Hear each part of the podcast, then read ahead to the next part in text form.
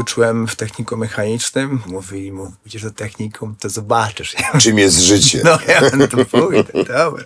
No i tam było mega. Robiliśmy jasełka, co prawda patologiczne, ale było tam opanowane. Patologiczne jasełka? No taką tam na przykład, a było jednak, to była taka ustawka żuli, którzy zamiast się bić stwierdzili na końcu, że może jednak zaśpiewamy kolendy. Uważasz, że za 20 lat będą wierni w kościele? Myślę, że tak. Z Nowickim po drodze. Zaprasza Łukasz Nowicki. Od kilku miesięcy chciałem porozmawiać o absolucie. Bez lukru szczerze zrozumieć istotę wiary. Dlaczego miliardy ludzi na świecie często bezkrytycznie w imię Boga żyją, trwają, umierają? Dlaczego wiara potrafi tak zbliżać, ale też dzielić? Dlaczego wokół Kościoła jest tyle emocji, braku tolerancji, zrozumienia i podziałów? W jakiej tak naprawdę kondycji jest Kościół? Pragnąłem, żeby ta rozmowa była szczera i otwarta. I wtedy pomyślałem, że jest taki ksiądz, ksiądz Rafał, który może być idealnym głosem współczesnego kościoła. Ksiądz z osiedla, salwatorianin Rafał Główczyński, zasiadł na kanapie w kamperze o niemoralnej porze, 8.40 w tej chwili. W podcaście z Nowickim po drodze witam serdecznie. Księże, proszę księdza, Rafał, proszę pana, jak? Magnificencjo, czterogodny, wspaniały, zasny, albo po prostu ksiądz Rafał, albo Rafał. To jak się tam będzie? Czyli mogą być pyrty. Może być, może być. Szczęść Boże wszystkim słuchającym. Niemoralna pora, bo? Bo to ty decydowałeś o tym. Nie, to ja tutaj jestem mało winny, ja chętnie byłbym później, tylko że mam szkołę. Ja mam takie prozaiczne życie teraz jako ksiądz, jak i na parafii, że mam mszę poranną, a potem mam szkołę. No i akurat dzisiaj mamy środę. Ale uczysz się, czy uczysz? Uczę innych, znaczy nie wiem, czy uczę. Staram się. Jestem księdzem katechetą. Posługujesz, y, uczysz w szkole. Y, modlitwa już dzisiaj była. Ile trwała ta modlitwa? Jakieś 15 minut juczniowi plus 30 go- 3 godzin, 30 minut rozważania dzisiejszej Ewangelii. Czyli 45 minut już poświęciłeś na modlitwę, na rozważanie tak. już nie. Plus minus. No może 41. Przyciąłeś 4 minuty na czym?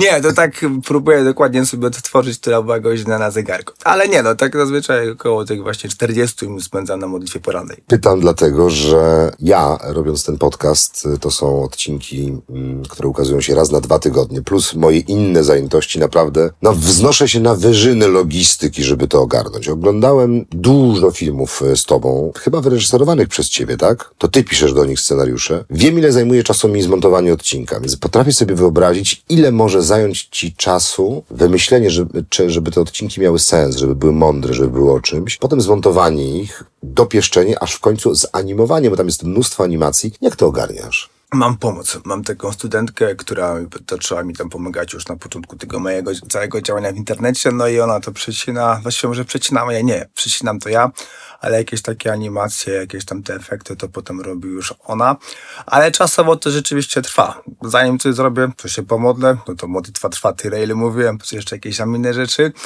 Potem to układam, Potem to nagrywam zwykle na kilka razy, no i to tak myślę, że około czterech, czasami pięciu godzin coś trwa, zanim powstanie. Chociaż bywa tak, że jakoś tak coś czuję bardziej i to idzie jakoś sprawniej. Ale tutaj nie mam jakiegoś tam stałego przedziału czasowego, bo to jest takie moje zajęcie przy okazji innych rzeczy, które są jakby taką moją codziennością parafialną.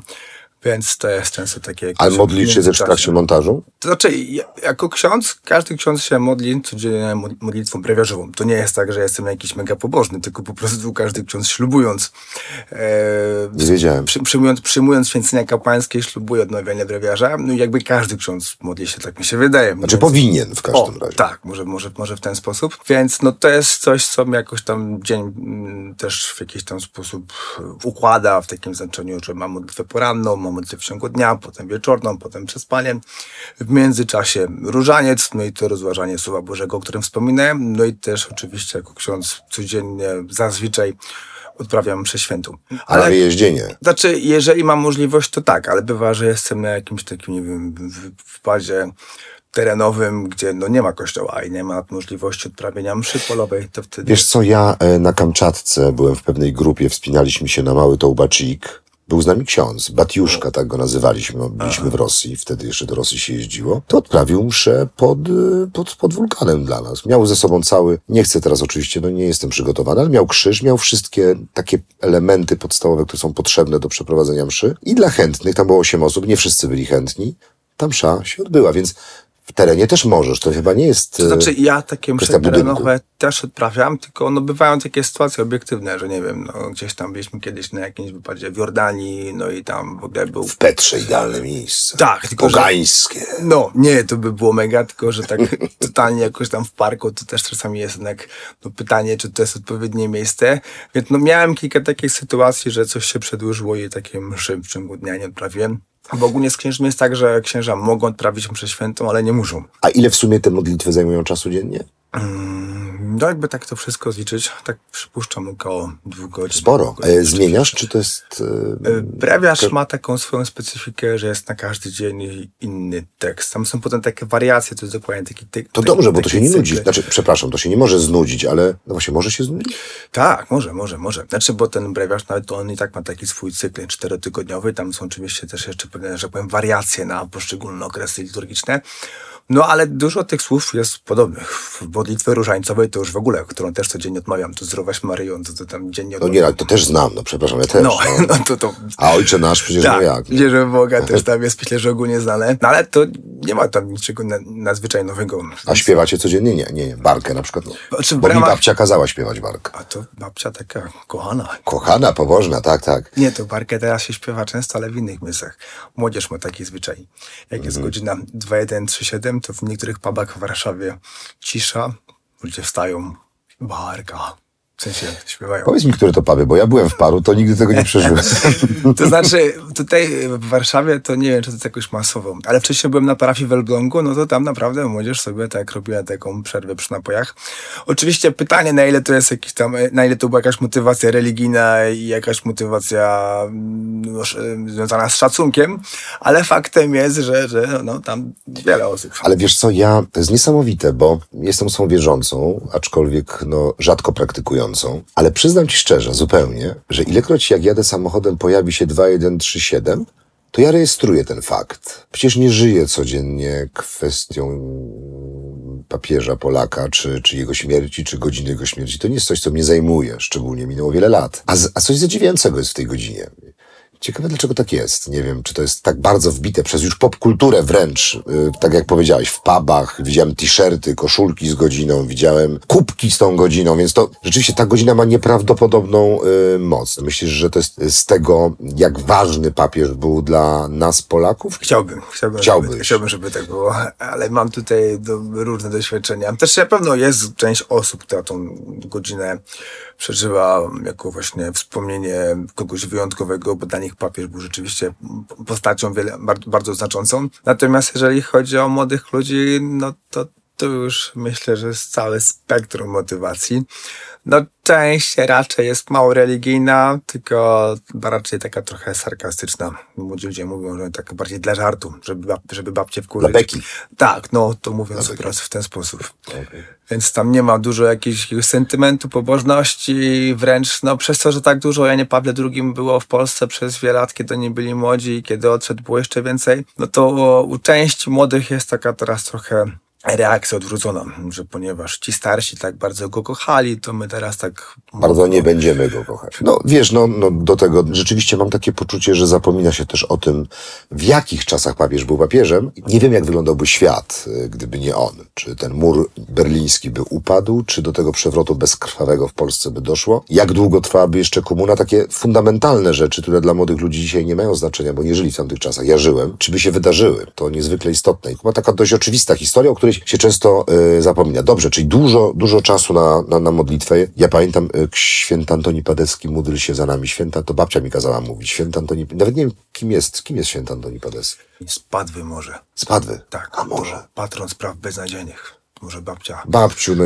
babcia świętej pamięci nie dowiem się, ale babciu Stanisławo, no, no ale dlaczego ja jako, jako małe dziecko kazałaś mi trzy razy w sprawach beznadziejnych się modlić? Nie, no to tak może kwestia takiego na wszelki wypadek pomodlenia się. Gdyby No to, ale to poszło. ciekawe, to sobie zapamiętam. Kolejna rzecz. Święty Antoni Padecki, sprawy beznadziejne. Dobrze, teraz będę ci się podlizywał. Jesteś mega utalentowany. Obejrzałem kilkadziesiąt twoich filmików. Widziałem frazy, jakie używasz. Jesteś e, obyty z kamerą, radzisz sobie z nią, w ogóle cię nie peszy. Masz pewien styl mówienia, który pozornie niechlujny, momentami umykające samogłoski, ale ja, ja to kupuję. Wstępuję, nie? Znaczy jakby w to wierzę. I teraz mam pytanie, czy wiemy już, że ktoś ci pomaga, że jest dziewczyna, ale czy ktoś cię szkolił? Czy ktoś cię uczył? Czy jesteś absolutnie samorodnym talentem internetowym? Słuchajcie, no pewnie to jest oczywiste dla was słuchających, ale to jest, nie wiem, tam prawie 100 tysięcy, czy tam 70 czy 80 tysięcy obserwujących na YouTubie. No jesteś osobą popularną. Uczyłeś się tego, czy to stryk się pojawiło? Nie, zupełnie. Czy starzy są z branży artystycznej? Nie, nie, nie, Nie. nie, absolutnie. Nie. Y, Tata jeździ tramwajem po Warszawie, także on tam z kamerą... Który numer?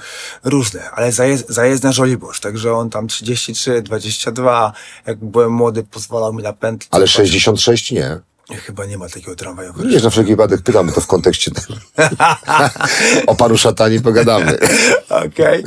Nie, no tym akurat nie. Także nie, tata absolutnie nie, mama, mama, mama też nie. Znaczy, ja w ogóle nigdy tego nie planowałem. Tu ma taki ten szerszy kontekst, że ogólnie no, ja zanim zostawałem księdzem, to tylko mówiłem, Panie Boże, jak już mam nim być, to, to, to już niech to jakby się dało, będzie jakieś takie, że coś nowego, że może jakieś tam rutyny jakby nie było, to by tak miło było. To były takie moje takie pokorne prośby, Panie Boże, no bo no fajnie mi się żyje przed, przed seminarium, także jak już coś tam, no jakby się to dało gdzieś tam mieć na uwadze, to, to będę wdzięczny.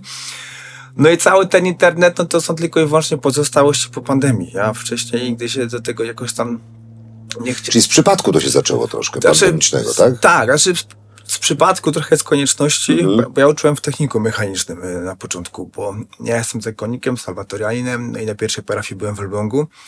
No i uczyłem w techniku mechanicznym, co też było zabawne, bo nigdy wcześniej nie uczyłem w szkole i mówili mu, pójdziesz do technikum, to zobaczysz. Czym jest życie? no ja to pójdę, dobra.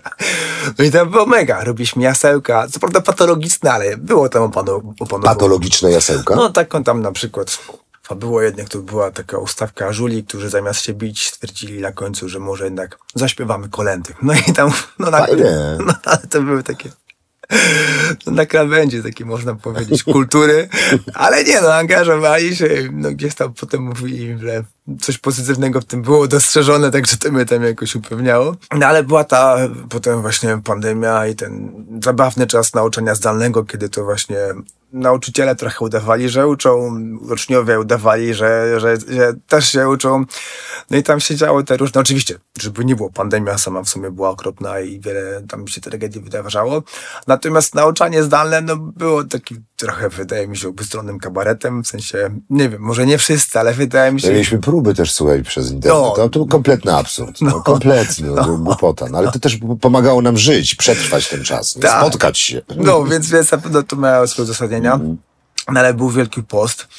No i ja chciałem powysyłać swoim uczniom jakieś takie rekolekcje, żeby coś ich tam może trochę ruszyło. No i szukałem, ale no, znając moich uczniów, no to cokolwiek przeglądałem, to wydawało mi się tak jakie albo za pobożne, albo jakieś takie, no nie o tym, co oni na co dzień robią. No miałem wspaniałych uczniów, ale no, z różnymi zajęciami w czasie szkoły, a tym bardziej poza. No i to o tym często wspominam. Moja uczennica zaprosiła mnie takie grupy na Facebooku, jaka to, nie wiem, czy mogę powiedzieć taki wyraz, wuda? To mogę tak, taki słów. Mówisz do mnie? Tak, mogę taki. Możesz też przeklinać. A, nie, to ja tylko będę cytował to, co tam było w takim razie wprost. Taki wyraz wóda, masz na myśli alkohol? Tak, no, była taka... Wódka, znaczy to jest takie coś, co się pije. No, i na Facebooku... Ale proszę księdza, to jest zgodne z prawem. A, jest myślę. 700 sklepów, przypuszczam, w Piastowie z wódą. Nie no, 700 to tu może... Zmyślam, ale no to nie jest na stacjach benzynowych wszędzie Okej. jest. To nie tak. chciałem Woda nie można mówić Okej. u mnie, absolutnie. Rozumiem. Nie chciałem słuchaczy jakoś tak po prostu tutaj przerażać, jak się o takich rzeczach mówię. Nie słuchają ci, którzy znają wódę. A, to jeżeli tak, to będzie łatwiej. Więc była taka grupa na Facebooku, była, bo już ją zbanowali, ale nazywała się Jaka to Wuda, no i tam zaprosiła mnie moja uczniowa, moja, moja uczennica, bo to była taka grupa elitarna, żeby tam wejść, ktoś ci musiał zaprosić. No i jak ja zobaczyłem to zaproszenie, myślę, co poszło jej tak? Moja uczennica zaprasza mnie, swojego nauczyciela, księdza, katechetę, do grupy, do grupy po piciu wody. I myślę, Boże, czy to jest jakiś znak? No ale ja już mam tak, że jak mnie gdzieś tam młodzież zaprasza, no to mówię, no dobra. Więc no, przyjąłem to zaproszenie.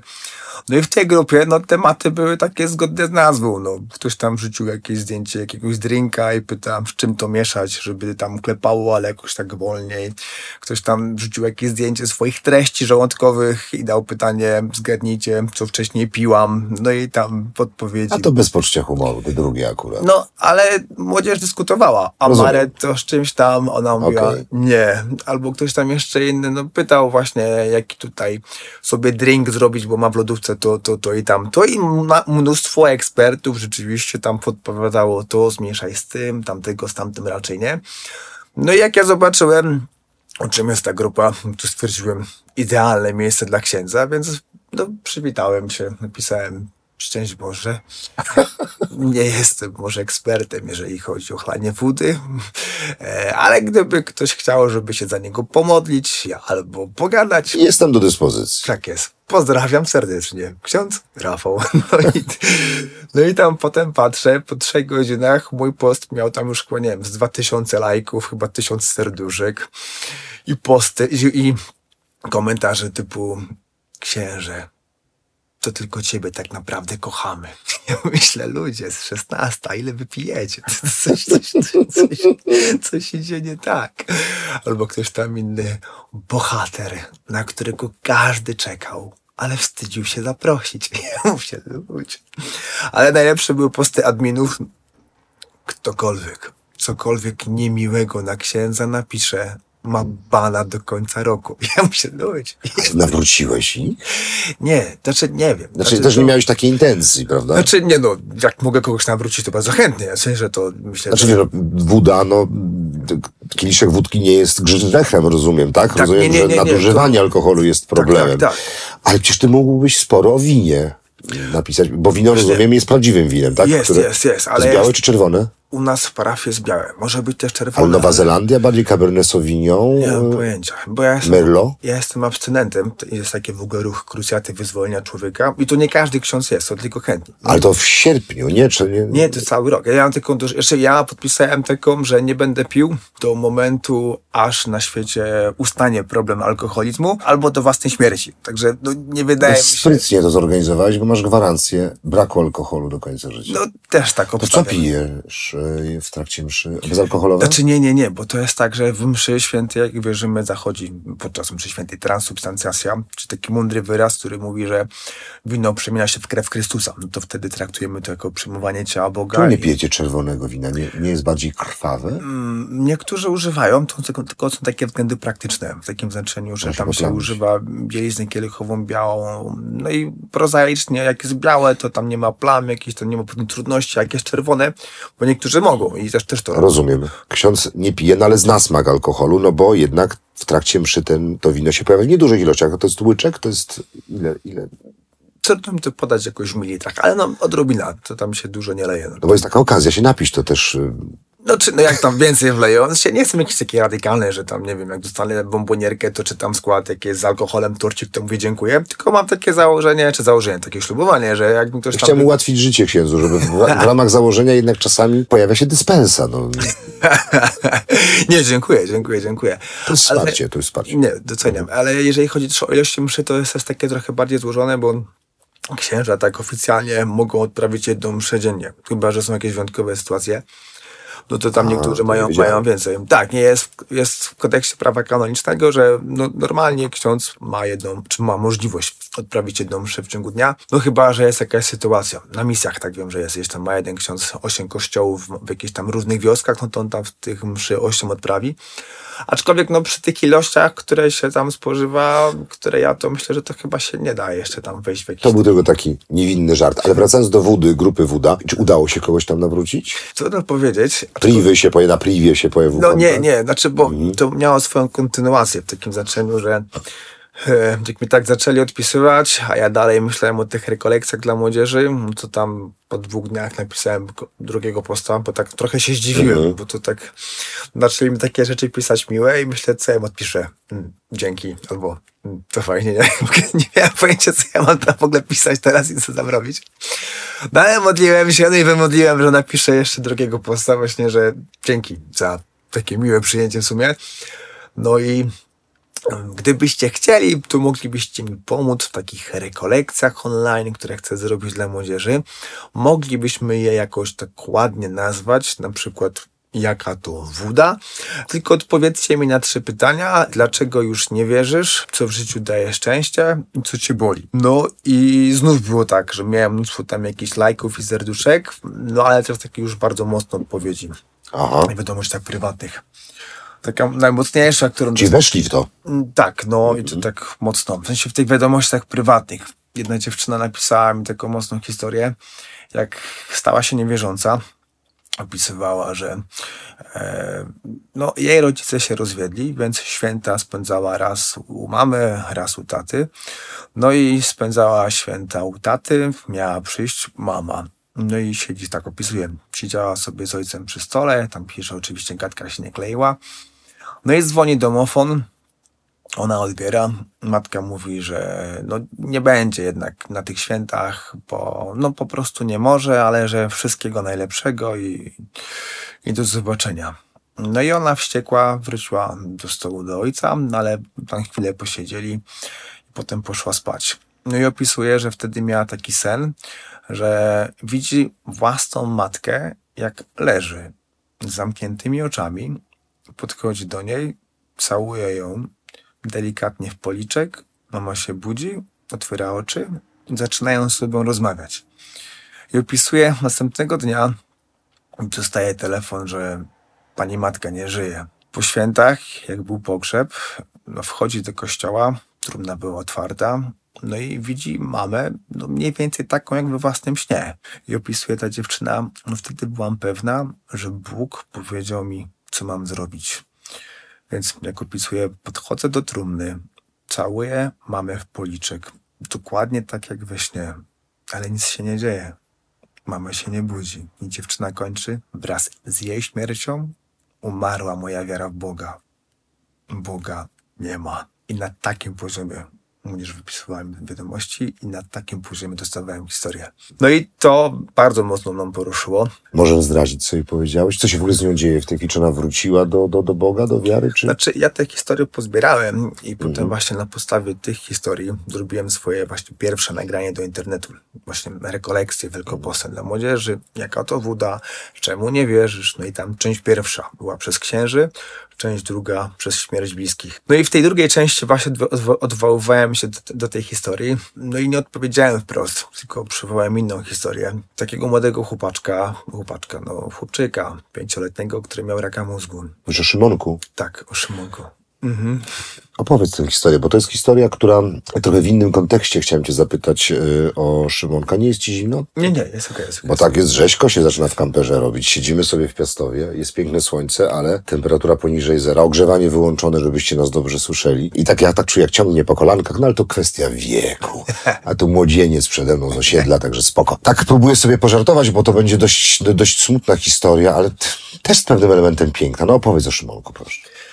No, ja o Szymonku dowiedziałem się od jego cioci, też tak właśnie no, przez przypadek w takim znaczeniu, że no po prostu siedziałem w pokoju, zadzwonił domofon, jakaś taka młoda dziewczyna mówi, żebym na chwilkę zszedł na dół, że prosi, żebym zszedł, mówię, to już idę, nie ma problemu. No i właśnie taka zapłakana dziewczyna pyta, czy mamy wodę z Lourdes. No bo w Lourdes jest takie sanktuarium, tam jest takie słynne dosyć źródełko, woda, którą używa się przy namaszczaniu chorych, którą się w ogóle no, zwyczajowo podarowuje chorym, no bo są jakieś świadectwa uzdrowienia dzięki tej wodzie. No i pyta, czy ja mógłbym jej taką wodę podarować, no bo e, właśnie no, syn jej siostry ma raka mózgu, ma 5 lat, no i, i po prostu no, nie może umrzeć. Ja powiedziałem oczywiście, tę wodę jej przyniosłem, bo akurat mieliśmy, no ale potem zacząłem rozmawiać, no i dowiedziałem się, że właśnie Szymuś e, no, z dnia na dzień miał bóle głowy, no i że teraz walczą o jego życie.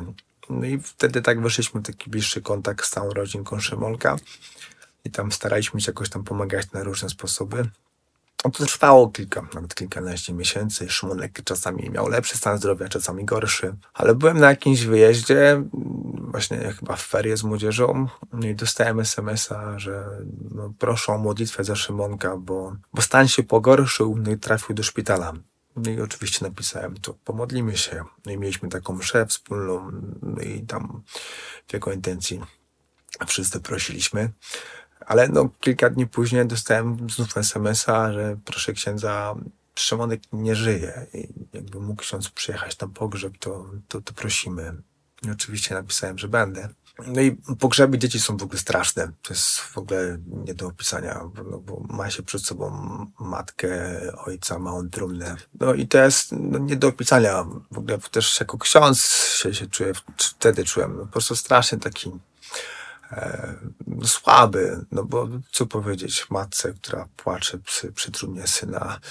Więc to było strasznie ciężkie.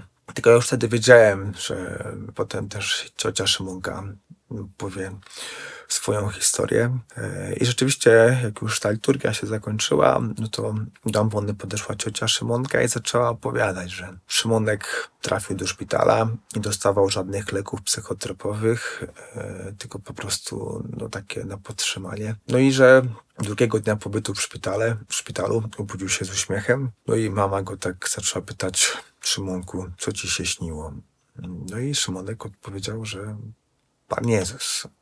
Mama go pyta, ale skąd ty wiesz, że to był Pan Jezus? I Szymonek powiedział, no, powiedział mi, że, że to jest On. I wtedy mama go zaczęła pytać, no ale to, co się tam działo? I Szymonek zaczął opowiadać, że Pan Jezus wziął mnie na spacer. Miał sobą takiego dużego, białego psa, którego zawsze chciałem mieć, którego mogłem głaskać, do którego mogłem się przytulać. No i zwiedzaliśmy różne piękne miejsca.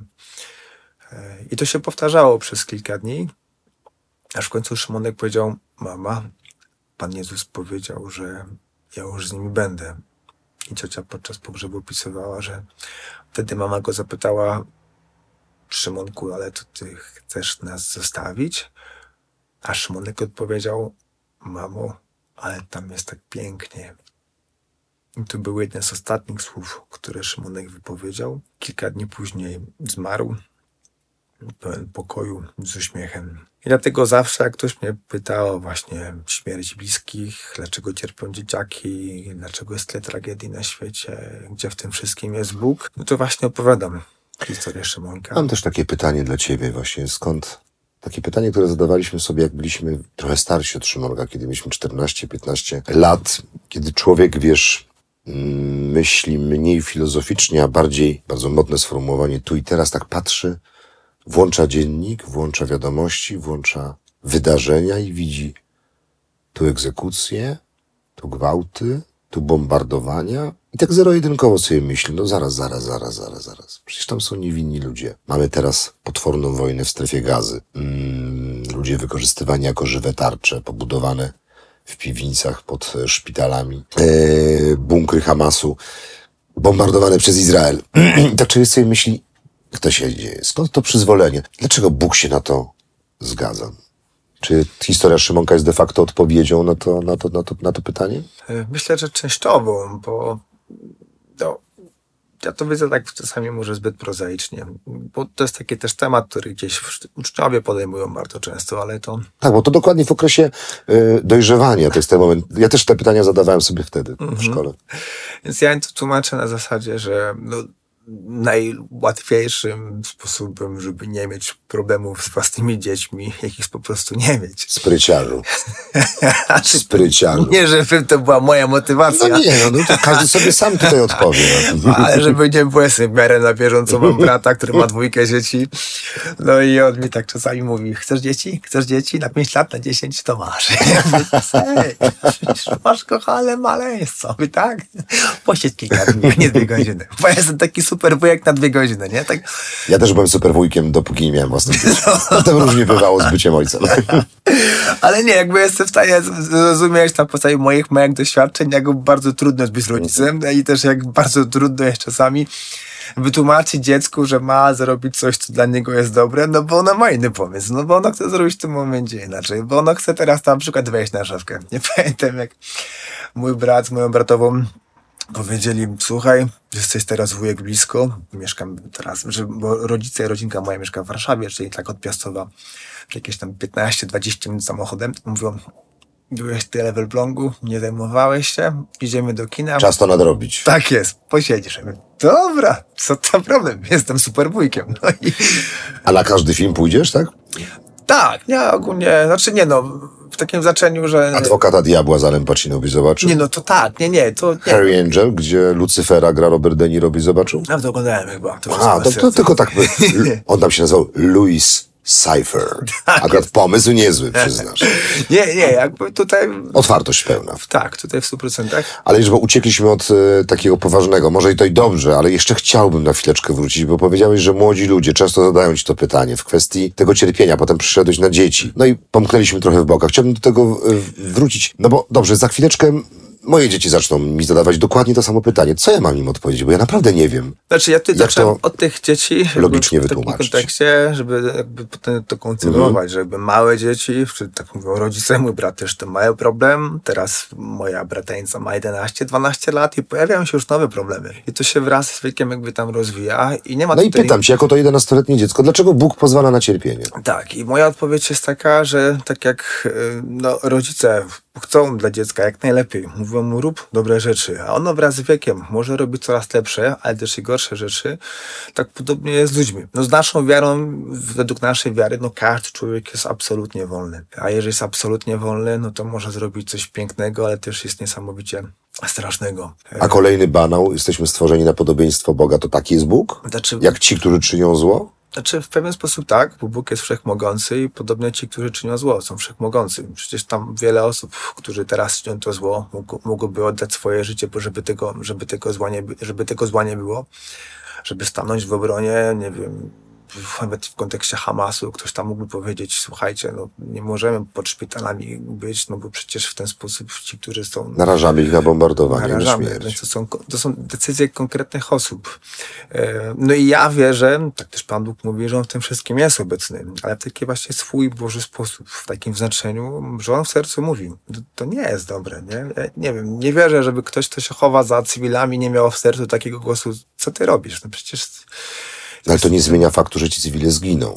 to prawda. I to jest właśnie, no, niestety, ta konsekwencja absolutnie wolności. No, jeżeli ktoś chce kogoś skrzywdzić, to Bóg może mu krzyczeć z, całego, z całej mocy w sercu, nie rób tego, a on i tak może to zrobić. Podobno rodzic może mówić swojemu dziecku ze całej mocy, nie wybieraj złych rzeczy, nie idź w narkotyki, nie idź w to towarzystwo, nie zadawaj się z tymi, czy wręcz no, nie możesz być mafiozą, a i tak różne osoby to robią. I to nie jest znak Mafiozi często. są bardzo wierzący. Nie wiem, czy widziałeś No. wczesnego. To się, najpierw zabijamy, a za godzinę już w kościele głęb- właśnie- jesteśmy pogrążeni w głębokiej modlitwie. tak, to jest ciekawe, że właśnie jak byłem we Włoszech, to właśnie mówili mi, że to jest przyczyna ateizmu części Włochów, nie? Że właśnie tacy pobożni, którzy oni wiedzą, tam godzinę temu skończyli ciąć człowieka, a teraz... A teraz idziemy się pomodlić. No tak, no bo ten- to tak trzeba. Albo dać na tacę, No? Tak. to spowoduje właśnie raczej odpływ. No dobrze, to tutaj cię zrozumiałem, ale, ale oczywiście to, to my sobie filozofujemy, no bo tego przecież nikt nie wie, tego się nie da tak naprawdę zmierzyć ani, ani zrozumieć, ale samoloty, patrz tutaj.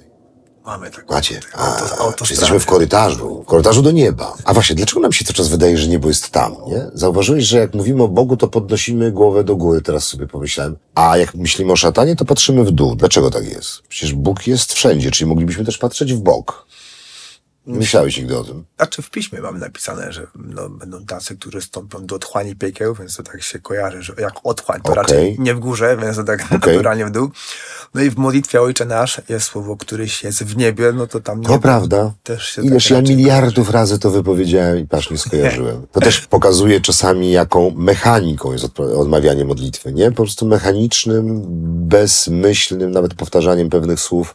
Może czasem lepiej rzadziej, a w pewnym, e, w pewnym skupieniu. Jak twoim zdaniem wygląda Bóg? Właśnie to Bo ja tak się, no, zawsze broda? zast- Jak, zastanawiało, że właśnie niektórzy tak próbowali punktować, no my, my tego Boga jako takiego starca widzimy, a ja tak szczerze, no nie wiem, może. Ale jak Sokrates, filozof grecki, Właśnie, jak? ja jestem może taki intelektualnie bardzo ograniczony, bo jakby nigdy mi nie wpadłem na pomysł jakkolwiek, nie wiem, personalizować. Ja po prostu nie mam nikogo przed oczami. Jeżeli mówię Jezus, Nie, nie, nie to jak? To, to, ale to, widzisz wizerunek z brodą, tego, tak, Tak. filmowy trochę, no tak? ten taki z obrazu świętej Faustyny, ale jeżeli Aha. chodzi o Boga, nigdy nie miałem jakichś takich swoich wizualizacji, że podchodzę i nie wiem, zbijam pionę z kimś, kto ma jakiś konkretny wygląd. Nie, dla mnie zawsze Bóg to było takie właśnie coś wszechobecne, co nie ma żadnego fizycznego wyglądu. Jak mi Okej. tam mówili, że to taki staruszek, ja mówię, no dla mnie to taki nie staruszek, więc no nie, ja osobiście nie mam jakikolwiek, jakikolwiek tutaj Czyli mógłby być, nie wiem, wyglądać jak Mike Tyson na przykład, tak? To też jest dla ciebie okej. Wyobrażasz, no nie, wyobrażasz nie, sobie, nie, że nie, wygląda jak Tyson? Kojarzysz, taki bokser. Tak, tak, tak. Znaczy ja widziałem film Hata i to mnie tam wtedy tak zaczęło bardziej dawać Mhm. do myślenia, jeżeli chodzi o wygląd Boga, no bo tam Bóg najpierw jest murzynką, w sensie kobietą, potem się robi chyba Azjatą. Morgan Freeman też był Bogiem, pamiętasz? tak, jeden z filmów. dużo jest jakichś takich pomysłów, jak on mógł pomysłów. wyglądać, ale tak by tutaj nie mam żadnych jakichś tam Ja go widzę jako takiego Bolesława Chrobrego, nie? No to oczywiście też banalne, no widzę brodę, widzę absolutną mądrość, bo chyba wiesz, bo my szukamy takiego absolutu, czyli szukamy tej skończonej mądrości. To tak jak greccy filozofowie. No i co myślisz tak szczerze, czy Bóg zadowolony jest ze świata Anno Domini 2023? Ja mam takie bardzo proste myślenie o tym wszystkim, właśnie przez analogię do rodziców. Ja jestem tylko wujkiem, takim znaczeniu, że nie mam własnych dzieci, ale chociaż mi tam brat naopowiada, jak tam czasami pyskuje moja cudowna bratańca, mam nadzieję, że tego nie będzie słuchać, że wujek gdzieś tam mówi, czy nie, ona jest cudowna i wspaniała, ale jest teraz jakąś typową nastolatką, e, ale cieszę się tym, co ona robi i widzę mój brat z moją bratową, mimo, że chyba tam momenty mają rozmaite, to przede wszystkim się strasznie cieszą, że właśnie mają te dzieci. I myślę, że no nie ma czegoś takiego, co mogłoby to w jakikolwiek sposób zmienić. A czy on jest zadowolony? Ten, Znaczy, najważniejszy. Ja mam takie patrzenie, że jeżeli ludzki rodzic nie jest w stanie chyba znienawidzić własnych dzieci, to podobnie Pan Bóg. Pewnie wiele rzeczy mu się tutaj nie podoba, ale no jakby będąc w pełni świadomym ojcem, no też miał świadomość, że to może pójść w wielu aspektach rozmaicie. Dobrze, zapytam cię inaczej, Rafał. Dobra, bo tu kombinujesz. Załóżmy, że masz dzisiaj ode mnie paszport i możesz tam pójść. Załóżmy, że on jest. Niezależnie od tego, jak Jasne. wygląda. I masz jedno pytanie, masz 10 minut, żeby z nim pogadać. I jedno pytanie, ale nie pytanie, jakie chcesz tam, jaki będzie wynik Górnika Zabrze, albo czy Legia wygra w Lidze Mistrzów. Nie, nie, takie pytanie. Tylko pytanie, co mam zrobić? Daj mi proszę jedno, jedno zadanie do wykonania, co mam poprawić, co mam wyprostować. Teraz z ciebie robię Boga na chwilę. O, o co byś go zapytał? Ja wierzę w Boga, który da już dużo odpowiedzi. Matkę Teresy kiedyś tak wprost zapytano, co Bóg robi z tym całym światem. Jest tyle zła, gdzie on jest, kiedy się dzieją te wszystkie tragedie, gwałty, wojny. I matka Teresa powiedziała prosto, no Bóg stworzył mnie i ciebie, żeby ten świat był lepszy. I to nie jesteś na tym świecie po to, żeby oglądać, tylko po to, żeby robić wszystko, co się da, żeby ten świat był lepszy. Super, idziesz do niego z tą świadomością i pytasz go. To jakie pytanie mu zadasz? Masz jedno pytanie. Nie wierzę, żebyś nie zapytał. Nie skorzystał z tej okazji. Myślę, że takim pytaniem, które bym mu zadał, byłoby takie bardziej właśnie chyba e, o Szymonka bym go zapytał. Znaczy, bo nie ja na co dzień nie mam takich pytań, które sobie mm, Może byś go tam przy, spotkał. przygotował, że że jakiegoś mam przygotowane do, do Boga. Bardziej jak tam pójdę, chętnie bym po prostu tam pobył, nie? I spotkał mojego tatę, który zginął w wypadku, kiedy miałem dwa lata, którego nigdy nie poznałem. Chętnie bym go, jego zapytał, nie? Cześć, co słychać, nie? I jak tam tak. generalnie dzisiaj widziało to, co robiłem. Szymonka bym chętnie zobaczył, nie? I tam mu powiedział, słuchaj, tam mam nadzieję, że dawaj znać, znać mamie, że cały czas gdzieś tam jakoś przy niej byłeś, jak się tutaj jest, nie? Czy coś tam przekazać. Więc mm, jakby nie mam takich ani pretensji do Boga na co dzień, ani takich pytań bez odpowiedzi. E, raczej mam takie podejście, że jakby Bóg już powiedział, co mam robić, nie? W sensie powiedział, mi, jesteś tu po to, żeby robić to, co się da, żeby być, było, było lepiej ludziom, których masz koło siebie, e, żeby ich przyciągać do mnie. Więc nie jestem taki nastawiony, żeby teraz generalnie właśnie dopytywać, tylko jakbym tam mógł być, no to bym chętnie pozwiedzał, nie? Znaczy. Ale wiesz, co zainspirowałeś mnie, bo ja rzeczywiście pierwsza rzecz, którą bym zrobił, to, to, to szukałbym mamy, która odeszła w 2000 roku. Zresztą wspomniałeś o tej dziewczynie, że wraz ze śmiercią e, umarła jej wiara, to moja właśnie się wtedy uro, urodziła. To też ciekawe, nie? że czasami bywa odwrotnie, że po śmierci mamy bardzo się zbliżyłem do Boga. Spędzałem mnóstwo czasu w kościołach, zawsze pomiędzy mszami, nie w trakcie, wybacz. E, Bardziej potrzebowałem jakiegoś duchowego, mistycznego kontaktu. Potem się to znowu rozluźniły te więzi, ale ta śmierć mnie zbliżyła. Ale mamy bym szukał. Piotra Skrzyneckiego bym szukał, może ojca. Mm, Bo u mnie już rzeczywiście tych, tych, tych osób coraz mniej tu, a coraz więcej tam. Zobaczysz kiedyś, że jak masz... Już teraz nie ma notesów, teraz są telefony, ale jak kiedyś były notesy, to ojciec mi pokazywał. Ja mówię, tato, ale to jest na literze T, to już właściwie nikt nie żyje. On mówi, "Te- nie zmieniasz? Nie, nie, nie. Oni wszyscy są. Mówi. Co są, są ze mną, tylko coraz trudniej znaleźć pojedyncze osoby i to z każdym rokiem, wiesz... E... Pamiętam pierwszą śmierć moją, znaczy w sensie w moim notesie, ojej, tej osoby nie ma, a, zostawię. A przychodzi taki moment, że już tylko jedna osoba na stronie żyje. Więc ja bym pewnie ich też poszukał. Może ze świętym Piotrem, sobie gdzieś tam też mam do niego parę też pytań. Rozumiem, czyli tutaj jakby nie masz takiego jednoznacznego pytania, czyli widzę, że podążałbyś trochę za tęsknotą, za jakąś, za, za tatą, nie? Myślę, że mhm. może bardziej ciekawością. Ciekawością. Znaczy, nie wiem, bo okay. ja mam tak, że jakby dla mnie ta wiara Boga jest czymś takim... E, no właśnie czym jest? Znaczy, to jest jakby taki proces, który się jakoś tam generalnie jak może być rozwija, ale jakby no mi strasznie, mnie strasznie zszokowało, że zostałem księdzem. Jakby to było wbrew moim wszystkim jakimś planom, logice i tak dalej. Więc to był taki moment, kiedy ja naprawdę no, musiałem wszystko jakby tam przewartościować i w ogóle zmienić, bo ja nigdy nie chciałem być księdzem. Ja no mam no właśnie po co zostałeś księdzem? No właśnie, to chodzi o to... do tego katolickim. Jako protestant mógłbyś mieć rodzinę. Ja naprawdę no. byłem pełen świadomy tych wszystkich argumentów i ja mówiłem, bo ja byłem taki wierzący, że chodziłem raz w tygodniu do kościoła, no ale wiedziałem, że jak się modli, bo to mówili w szkole, no to, że w jaki sposób to działa, ale przede wszystkim, że każdy ma wolną wolę. No więc ja na co dzień jakoś nie za, nie za bardzo myślałem o byciu księdzem, tylko jakby były takie momenty, że w kościele raz w roku są takie msze o powołaniach i ktoś tam zawsze coś powie, mhm. no to coś mi się tam odzywało. Takie jakieś irracjonalne. Widziałem, że dookoła nikt tego nie słucha, nikogo to nie rusza, a jakieś takie prymitywne, proste zwroty tam, no, są tu powołani, albo niektórzy uciekają. To nic nadzwyczajnego, ale we mnie to trafiało. Mi to mnie strasznie irytowało, ale mówiłem, Boże, przecież mamy wolną wolę. Czy to się da wszystko przecież jakoś ustalić. Przecież te księża nic nie robią, nikt ich nie szanuje, po prostu mają nudne rzeczy. A wtedy jeszcze było lepiej, bo teraz jest przecież coraz gorzej. No tak, ale już wtedy generalnie jakby, no ja wiedziałem, że no ksiądz, no to, to, to, to jest. Znaczy jakby inaczej też nigdy nie miałem takich aspiracji, żeby nie wiem, być kimś, nie, jakby, albo nie wiem, miałem jakieś tam, jakie ambicje, tylko no tak. A może byś zapytał yy, Boga, jak zostać papieżem? No to, to potem, o. potem mi kumple mówi, dawaj, dawaj, dawaj. No właśnie, bo jeszcze kardynał przetąd, jeszcze przetąd długa droga. Nie, nie myślę, że, że w tą stronę to, to nie pójdzie. To, to, pod tym względem nie mam żadnych jakichś tam e, wyobrażeń. Natomiast no, ja naprawdę nie widziałem sensu bycia księdzem. Ja mówiłem, Boże, zobacz, przecież można być super rodzinką. Ja tak wprost się modliłem.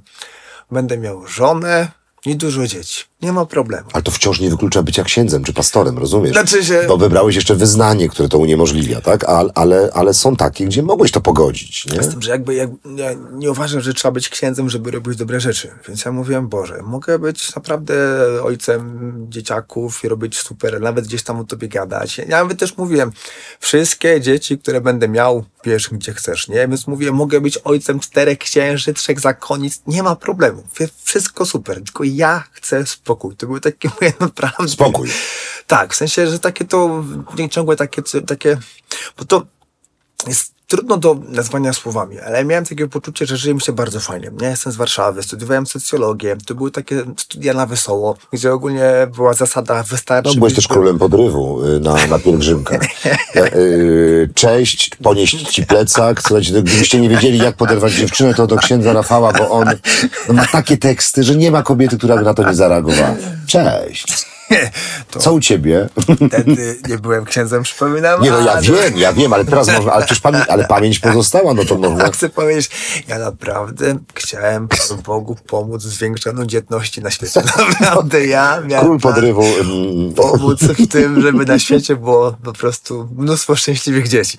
I przy okazji jeszcze kilka innych rzeczy. No czyli wesoły, dobry człowiek. Rafał, żyje sobie w Warszawie, fajnie, chodzi na pielgrzymki, jest normalnym, dojrzewającym, dorastającym mężczyzną, tak? Zakochuje się i, i co? I nagle pstryk? Fajnie, a w sercu mam takie pytanie zawsze, no i co?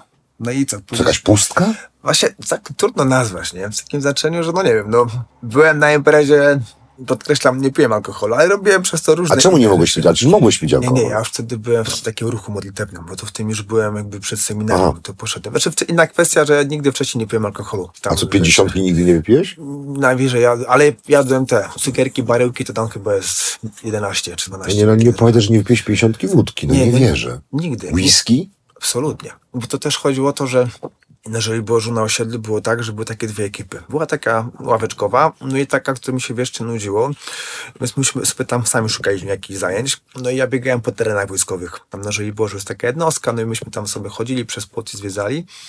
No i to tak naprawdę wciągało. Teraz można powiedzieć, że to takie ówczesne urbeksy robiliśmy, tylko tam po jakichś tam bunkrach, bo tam tego, wtedy, wtedy, wtedy tego było sporo. I jakby minął mi ten moment, kiedy ludzie z nudów zaczynali eksperymentować, używki, jakieś picie, jaranie. I potem jak były imprezy, no to zawsze było hasło, dawaj, musisz się nawalić. Ja mówię, no nie. I to też mnie tak trochę może zradykalizowało, że tak bardzo każdy chciał być pierwszym tym, który mnie upije, nawali albo coś mi tam da. Wiesz co, ale to nie, to, no ale też nie próbuj robić y, y, pewnej, stawiać znaku normalności przy tym, bo jednak generalnie normalne było wtedy spróbowanie czegoś. To jest zapisane w młodości, że się testuje, przegina, przesuwa granice. Niestety, ja nie mówię, ja nie pochwalam, tylko po prostu tak jest. I to, że tego nie robiłeś, to nie jest standard. I zastanawia mnie, dlaczego nie, spróbu- nie, nie chciałeś spróbować, nie? Okej, nawaliłeś się raz, przekonali cię drugi, trzeci, bardzo źle się czułeś, potem y, strona wuda i, i, i treść żołądka i wiesz, i już więcej do tego nie chcę, to nie mój świat. Ale ty z tego zrezygnowałeś bez próby. To jest niesamowite. To, z czego to się... Może trochę jest takie przekory. Ale czy abstynenci, tak? Właśnie nie, nie, nie, nie. Znaczy ja jakby nie mam nic Czy może były złe wzorce, wiesz, bo na przykład nie to w Krakowie, powiem ci, dość balangowe miałem życie i nie znałem innego świata, jednak ten alkohol był. Piwnica pod baranami, rynek. No to tam rzeczywiście. O tak, zdecydowanie. Uwierz mi, tam abstynenci rzadko się pojawiają. Znaczy nie, żeby nie było. A jeżeli chodzi o woda, woda, to tego drugiego e, produktu w ogóle nie było nawet chyba w asortymencie. Nie no, to... to Jak się to No? No właśnie, nigdy nie robiłem jakiejś takiej analizy szczegółowej, ale to może trochę tak z charakteru, jest takie przekory. A że- piwko? Też właśnie nie, jestem beznadziejny. Dlatego jak mi tam mówią, czasem jak się dowiadują, nie, że ja taki jestem abstynent, mówią, to co ty w ogóle, jak to?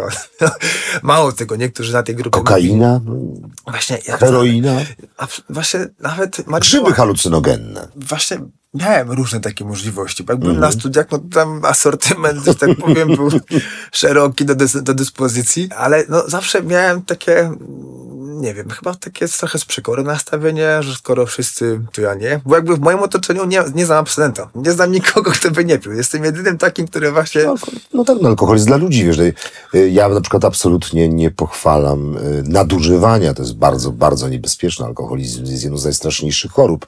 Natomiast w odpowiednich, niewielkich ilościach nie ma w tym nic złego. Spójrz na Francuzów, Hiszpanów, ludzi południa pijących ja ilości nie mam takiej argumentacji, że uważam, że alkohol jest zły. Wręcz przeciwnie, uważam, że pomaga ludziom gdzieś tam właśnie w jakimś spotkanku, strasznie przełamuje. Ile głębokich rozmów miałem dzięki temu, że ktoś tam browara walnął albo coś tam, to jest nie do policzenia, nie? A na trzeźwo Do pewnego czegoś nie momentu, prawda? Bo w- Tak, nie, kontakt no- się urywa. tak, tak. No tutaj trzeba generalnie jednak jakąś no, granicę przytomności zachować.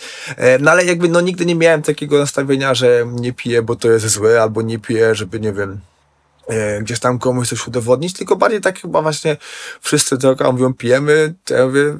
to- Czyli przekorka, przekorka. Czyli nie Legia, tylko Polonia Warszawa, tak? Nie, właśnie tutaj sport, sportowo generalnie jakoś tam nigdy nie byłem o, jakoś tam dookreślony, bo to tam z tą piłką nożną zawsze miałem takie trudności. A jaki sport?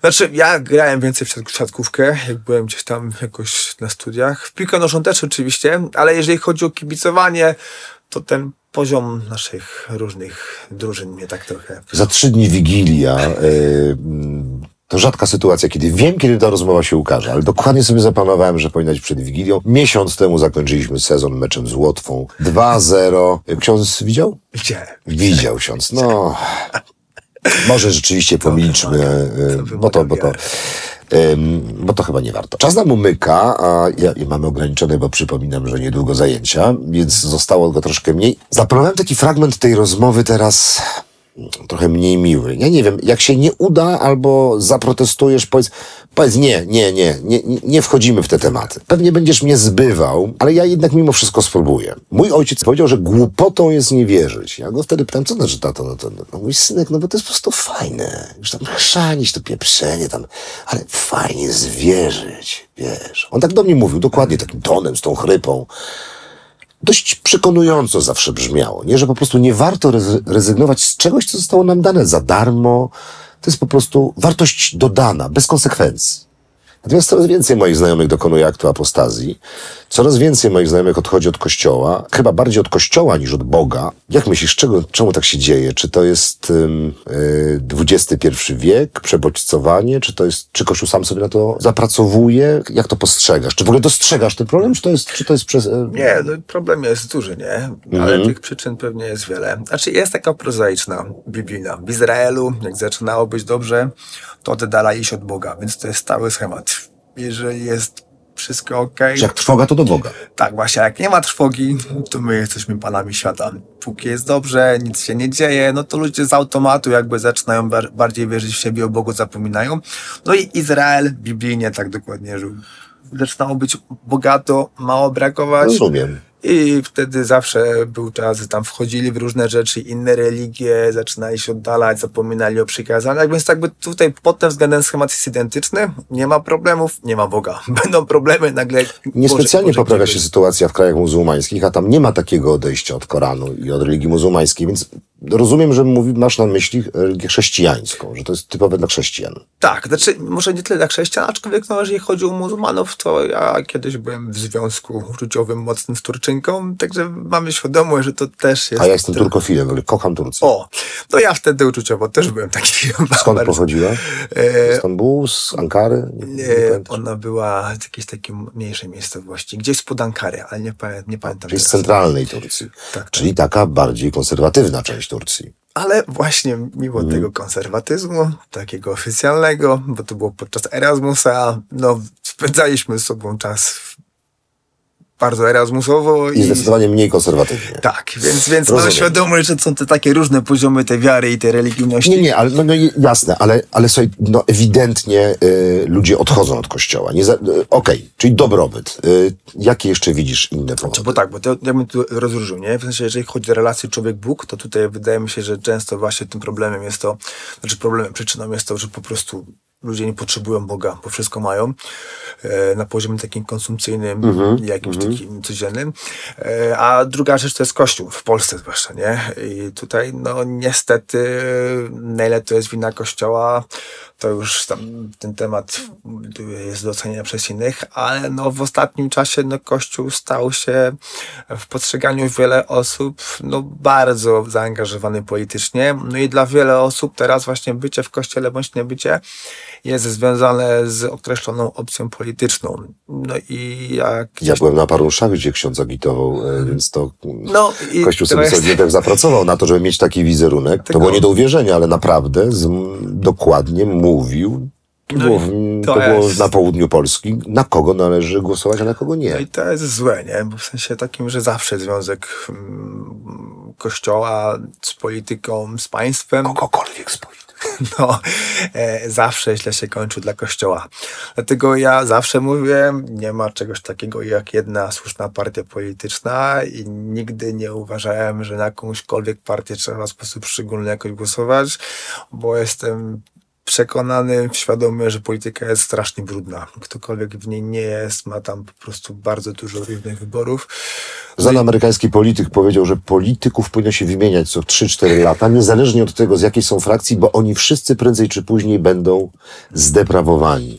Przychodzą uczciwi, naiwni, chętni do tego, żeby coś zmienić. Mija parę lat i wszyscy się do siebie upodabniają. Poza kilkoma mężami stanu, wiesz, w historii zawsze było kilku gigantów, a to są wyjątki. Zga- Tutaj się jakby zgadzam z tym, z tym, z tym, z tym co powiedziałeś. No, więc ja tutaj, e, no, wiem, że teraz dużo osób właśnie ze względów typowo politycznych byliście jako kościół. W sensie, no, ten taki kościół, przynajmniej taki hierarchiczny, zdaniem niektórych blisko danej partii, to ja z powodu tego, co robiła ta partia, albo że ja mam... Odwracam się od kościoła. Tak, i to też w szkołach widać, nie? że generalnie właśnie czasami wpisywanie z religii nie ma absolutnie nic wspólnego z wiarą. Ja znam tę historię takiego księdza, który No odszedł z kapłaństwa, bo no po prostu mocno go po prostu zniszczyła codzienność. Poszedł do szkoły z takim nastawieniem, że po prostu no chce być dla uczniów, no ale cała klasa mu się wypisała. Powiedziała przy księdza, my do księdza nic nie mamy, tylko do kościoła, więc ksiądz tego osobiście nie bierze, ale no, no na, nas po prostu nie będzie. Rafał, no to strasznie ciężko jest y, y, służyć Kościołowi w takiej sytuacji, nie? No kiedy masz tych swoich wyznawców, tych, którzy cię wspierają, tę grupę i ona jest. Ja, ja też wiem z twoich filmów, że oni cię interesują, oczywiście szanujesz ich, ale ty chcesz się zająć tymi, którzy odeszli. Ci cię bardziej kręcą, żeby wrócili, a nie ci, których masz, nie? No bo to tak trochę jest. No, no, no, no co masz w kółko się tylko i wyłącznie w, tym, w tej, tej grupie mm, opanowanej, ogarniętej, podporządkowanej, zapatrzonej, wpatrzonej, no to to proste by było. Dużo ciekawiej jest pójść pod prąd. Ale no dobra, no to to jest, to jest ten, ten, ten argument. No zobacz, no ale to też od razu przy okazji, nie chciałem teraz o to pytać. Ja uwielbiałem chodzić do kościoła karmelitów na katechezę. Oczywiście uwielbiałem. Nawet nie na samą katechezę, bo trochę się bałem księdza Sosonko. Kazał klęczeć na grochu. Takie, były, aha, takie były czasy, mój drogi. Ale lubiliśmy to, że to wyjście, wiesz, szło się garbarską, mówię o Krakowie, y, niedaleko Plant, no to było jakieś wyjście z domu też, wiesz. Po co ta religia w szkołach? Mówisz, że uczysz tak y, w szkole. Nie wolałbyś y, uczyć przy kościele? Znaczy, żeby to było jakby ewidentnie oddzielone od systemu, żeby religia była osobnym bytem. Nie uważasz, że, tak, że to byłby dobry kierunek, żeby wyizolować Kościół od struktur? Znaczy, nie wiem, w takim znaczeniu, że jakby znam argumenty i na jedną, i na drugą To jakie są za szkołą? Za szkołą jest takie, że naprawdę tam, jak ja mam w klasie, nie wiem, dwudziestu kilku uczniów, no to z nich do kościoła chodzi dwóch, trzech, nie? Więc nagle mam właśnie to środowisko, o którym marzę. Takie Ale oni nie muszą chodzić na religię, czy muszą? nie muszą, nie muszą, nie muszą. No to nie masz tych dwudziestu. Znaczy właśnie nie muszą być na religii, a są, bo klasa ma tam 30 kilka osób, no to jest tych klasy 30, tam 20 kilku Okej. chodzi. Okej. No i z tych 20, którzy chodzą, do kościoła na mszę dwóch, trzech mniej więcej, nie? Do bierzmowania przygotowuje się 10%. jeden, dwóch, nie? Ale to są takie statystyki, nie? Jakby właśnie poza kościołem statystycznie, w sensie poza mszami U nas nabożeństwem. wszyscy szli do bierzmowania.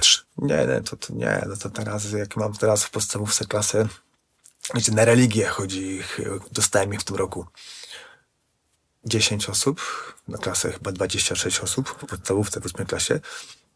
I tu z tej klasy do bierzmowania jest, są trzy osoby. A mieszkają normalnie na terenie parafii. To nie jest tak, że w liceum można powiedzieć, że to z tego miasta, z tej okolicy, więc no, może w swoich parafiach, tylko nie, no, to są moi parafianie, nie? W sensie ja wiem, że oni gdzieś tu mieszkają. No i- ich.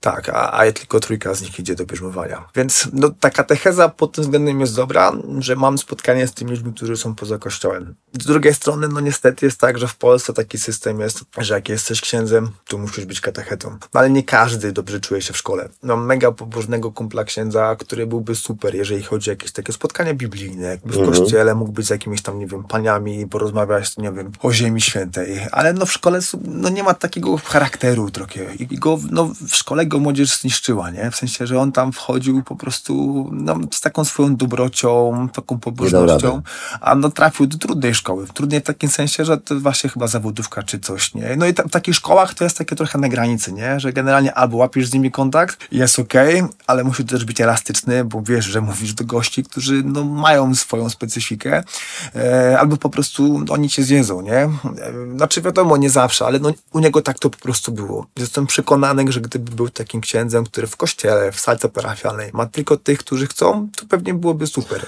Wiesz co, często wielcy aktorzy w szkole teatralnej wcale nie są dobrymi pedagogami, a ci, którym się mniej powiodło i grają tak zwane ogony w branży, tak mówimy, wiesz, epizody, statystują, są wybitnymi pedagogami. To wcale nie jest e, zero-jedynkowe i ktoś, kto się świetnie sprawdza w tej małej kameralnej grupie, byłby filozofem, gawędziarzem, eseistą, kompletnie nie poradzi sobie z, e, z taką, chciałem użyć sformułowania banda, może nie najlepsza, ale z taką mocną e, grupą dojrzewającej młodzieży. No i to jest duży problem, nie? W takim znaczeniu, że ta katecheza naprawdę różnie wygląda.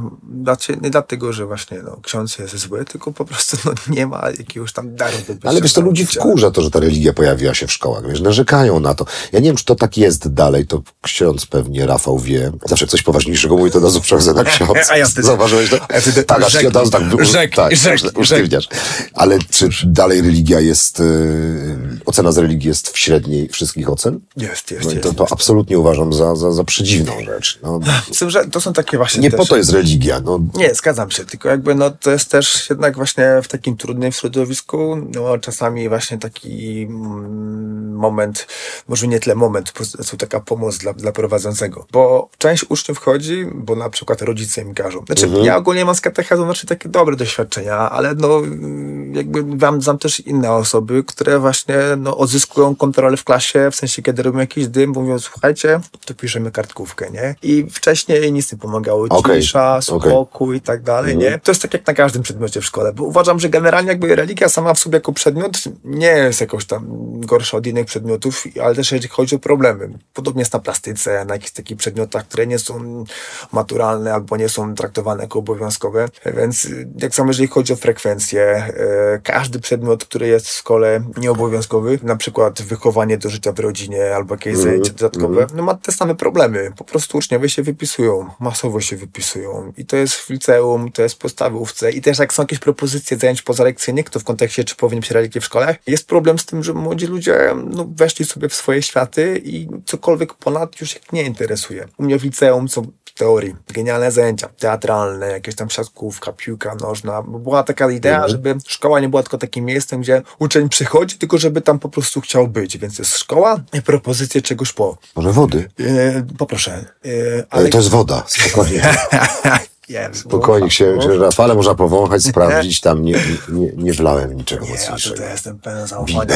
Jeszcze domowej jeszcze roboty. do mnie kamperem nie przyjechał, także kurczę, jestem pewien, że z tego Przepraszam, przerwałem. E, Problem jest, że no, nie ma zainteresowania. Uczniowie mówią, że nie chcą dużo No ale to przez to, że będziecie w szkole, rozumiem, zakładacie, że te, za to zainteresowanie się pojawi, że te dwie, trzy osoby przyjdą, tak? Że choćby dlatego, że mają blisko. Choć powiem ci szczerze, że ciężko, oczywiście historii, historii religii można uczyć w szkole, ale duchowość cała odpada. Salka parafialna, gdzie miałem religię, sama, sam klimat kościoła karmelitów, nieprawdopodobne, piękna architektura, wiesz, kilkaset lat historii w tych murach, to już robiło robotę. Ja też to widzę, że na tej religii to właśnie można sobie tak łowić, nie? Nie miałem takich uczniów w technikum, którzy gdzieś tam potem przychodzili do spotkania do kościoła. Bo jakby takie spotkania typowo religijne w kościołach są, w ramach duszpasterstwa młodzieży. Więc to jest tak, że ja poza tym, że uczę w szkole, też na parafii mam grupy parafialne i to spotkania są spotkania dla młodzieży do środy. I tu przychodzą moi uczniowie albo jakaś tam młodzież, którą ktoś tam z sobą przyprowadził. Ale jak byłem w Elblągu, gdzie właśnie miałem na religii e, uczniów bardzo zróżnicowanych, e, no to potem jak ja ich gdzieś tam zaprosiłem i oni chcieli, to mu słyszałem proszę księdza, wszystko okej, ale trzeba przekonać moją matkę. Ja mówię, o co chodzi? Mówię, proszę księdza, jak z księdzem na ten wyjazd chętnie pojadę, tylko że moja matka, jak ja mówię, że gdzieś z księdzem chcę wyruszyć, nie wierzy. Musi ksiądza dzwonić. Ja mówię, No to dawaj, dzwonimy. No i dzwonię. I mówię, szczęść Boże, z tej strony ksiądz Rafał, uczę pani syna w technikum. No mi proszę pana, czy tam kilkowiek jesteś, przestań się wygłupiać. Tam jakiś mocniejszy wyraz. Ja mówię, nie no, ja jestem księdzem. On mówi, weź wtkąć w Ja mówię, nie no, e, Pięknie jestem... ci się udaje e, omijać przekleństwa. no, bo to Takie masz zablokowanie fajne, ale to bo dokładnie wiem, jakie słowo chcesz powiedzieć. No to jest też niesamowite. Cytaty, cytaty. Ja co dzień staram się nie przeklinać, chyba, że, przepraszam, Spoko, spoko. chyba, sytuacja jest jakaś taka wymagająca. E, no i ona mówi, dobra, napisz mi na Librusie, to ci może uwierzę. No to ja, Librus to jest taki dziennik elektroniczny. Ja wiem, co to jest, ja mam dzieci. A, no, no to Mhm. przez tego Librusa zalogowałem się i napisałem wiadomość Szczęść Boże, z tej strony ksiądz Rafał. Rozmawialiśmy przez telefon, dzwoniłem w sprawie wyjazdu syna. Proszę o kontakt. Ksiądz Rafał, witam numer telefonu. I ona do mnie odzwaniała mi, proszę księdza, ja, ja przepraszam, ale my do kościoła nie chodzimy. E, Syn też nie. Ja, on już takie rzeczy odwalał, że ja po prostu no, nie wierzyłam. Także przepraszam, ale że tak reagował. go? Ale no jak chce, to niech ksiądz go bierze. Niech go tam ksiądz nawracał. Proszę bardzo. No i rzeczywiście pojechał i potem jeździł, no i tam się udawało jakieś takie różne rzeczy. No i gdyby nie to, że byłem w szkole, no prawdopodobnie byśmy się Rozumiem. nigdy nie spotkali. No ten argument jest rzeczywiście przekonujący. Mm, No ja mam też swoje. No nie ma, nie ma jednej dobrej e, Znaczy, drogi. ja- To też wizerunkowo źle robi Kościołowi, bo ja wiesz, mam na myśli, bo dotknęliśmy tematu, e, od sam na początku mówisz o pewnym dobrobycie, ja dotknąłem tematu religii w szkołach, bo to, co się dzieje, to odejście wielu wiernych z Kościoła, myślę, że ma też związek, powiedziałeś o styku pol, z poli, e, o polityce, ale myślę, że też sam Kościół ma swoje za uszami, nie? I też No, popełnia mnóstwo błędów i być może właśnie ta religia w szkołach jest jednym z tych błędów, bo może mniej znaczy więcej czasami. Ale ten argument twój też jest bardzo Znaczy przekonujący. ja też jakby nie jestem przekonany ani do jednego systemu, ani do drugiego w, w pełni. taki nie? jest ja teraz. Widzę, tak, no, że tego. to widzę plusy i minusy na dwie strony. Widzę też duże minusy, tak jak o tym mówiliśmy, że niektórzy księża czy katecheci po prostu Mhm. się zajeżdżają przez szkołę. Jest coś, co nas łączy. Weszliśmy na rysy i ty i ja od słowackiej strony. Dla niewtajemniczonych to 10 razy łatwiej niż od polskiej strony. Ja zdobywając koronę gór Polski musiałem znaleźć się na rysach, więc wybrałem wariant dla leszczy. Jak usłyszałem od znajomych, ksiądz Rafał również wybrał wariant dla leszczy. Ale to z mamą i tatą. No, ja z kolegami, ale oni są, powiem ci szczerze, no jak mama i tata, no bo to właściwie zwłoki wnosiłem. W tym sensie, że, że koledzy tam, no nie za bardzo interesowali się górami, no ale ja ich namówiłem. Jechaliśmy potem nad Balaton, głównie ich interesowały Węgry. Słuchaj, więc tak sobie pomyślałem, czy ty nie idziesz na łatwiznę, nie kombinujesz, no zdobywasz najwyższy szczyt Polski, no ale tak... A, drogą dla emerytów, nie? I tak sobie myślę, no i tak ten, ten wybór, ten wybór drogi życiowej, nie? Mm, Sam powiedziałeś pięknie, że to trochę pójście na łatwiznę, bo to ja dam ci, jak twój brat mówi, dam ci dzieci, zobaczysz, co to jest życie. I tak troszkę boczkiem, tak troszkę boczkiem, bo jest też taki argument względem was, że to jest taka trochę ucieczka od odpowiedzialności, od trudów tego, tego świata. Ja do końca się akurat z tym nie zgadzam, bo uważam, że bycie dobrym księdzem to potwornie ciężka droga. No ale co byś odpowiedział tym krytykom, którzy twierdzą, że no i co? Nie chcesz stawić czoła trudnościom? No co, co byś powiedział? Znaczy, y, ja zawsze chyba mam te same odpowiedzi. Ja naprawdę do bycia księdzem się nie pchałem. Ja Naprawdę. już powiedziałeś, ale jesteś nim. Tak, ale też jakby y, ja mam zupełnie inne życie niż to, które miałem przed. I oczywiście pod wieloma względami jest łatwiejsze. Ja mam panią kochaną, która nam przygotowuje ciepłe obiadki. Ja codziennie jem ciepły obiad. To jest po prostu... Ale mało zarabiasz, to wiem. No, Używasz Fasport, też cię chciałem opieprzyć. No naprawdę są lepsze dezodoranty. No, no. Jak możesz Fasport? No, jest taki słodkawo-gorzki. To nie jest dobry zapach. no, ale 12,50. No, Jak się znajdę tańszy... Nie, ale chodzi o to, że jakby ja mam świadomość, że pod pewnymi względami mam łatwiej, nie? W sensie, no zawsze gdzieś ksiądz ma jakieś miejsce, gdzie może przyjść spać, nie? W sensie mam swoje mieszkanie. E, o jedzenie też się nie muszę martwić, więc pod pewnymi... Kto gotuje?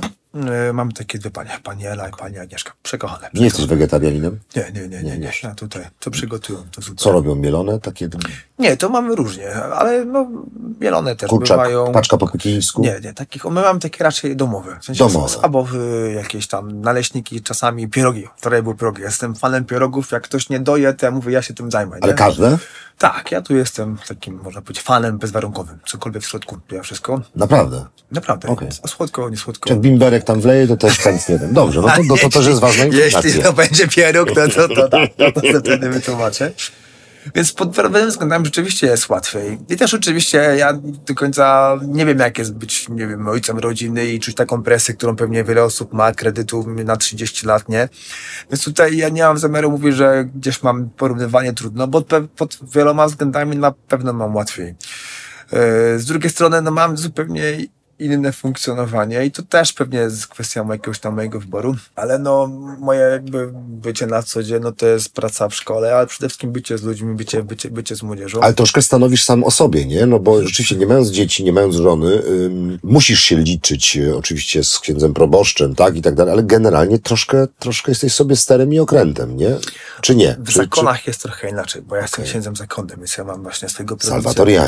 Salwator w Krakowie, moja ukochana dzielnica. Ale to właśnie my tam nie jesteśmy. Często tam łączy. Mamy w Krakowie swojego takiego szefa szefów, ale to na, Szef szefów jest w Krakowie? na Zakrzówku, ksiądz prowincją. No to on mi tam mówi, że księże Rafale, super, że w Piastowie jesteś, ale od lipca już nie A będzie. na Zakrzówku, bo tam jest fajne jeziorko. Yy, jest teraz, jest mega, No. ale to bardzo, bardzo sporadycznie. Ale jeżeli chodzi o to bycie księdzem, to Mhm. no, mamy zupełnie inne jakby tam obowiązki i pewnie pod wieloma jakimiś tam względami łatwiejsze.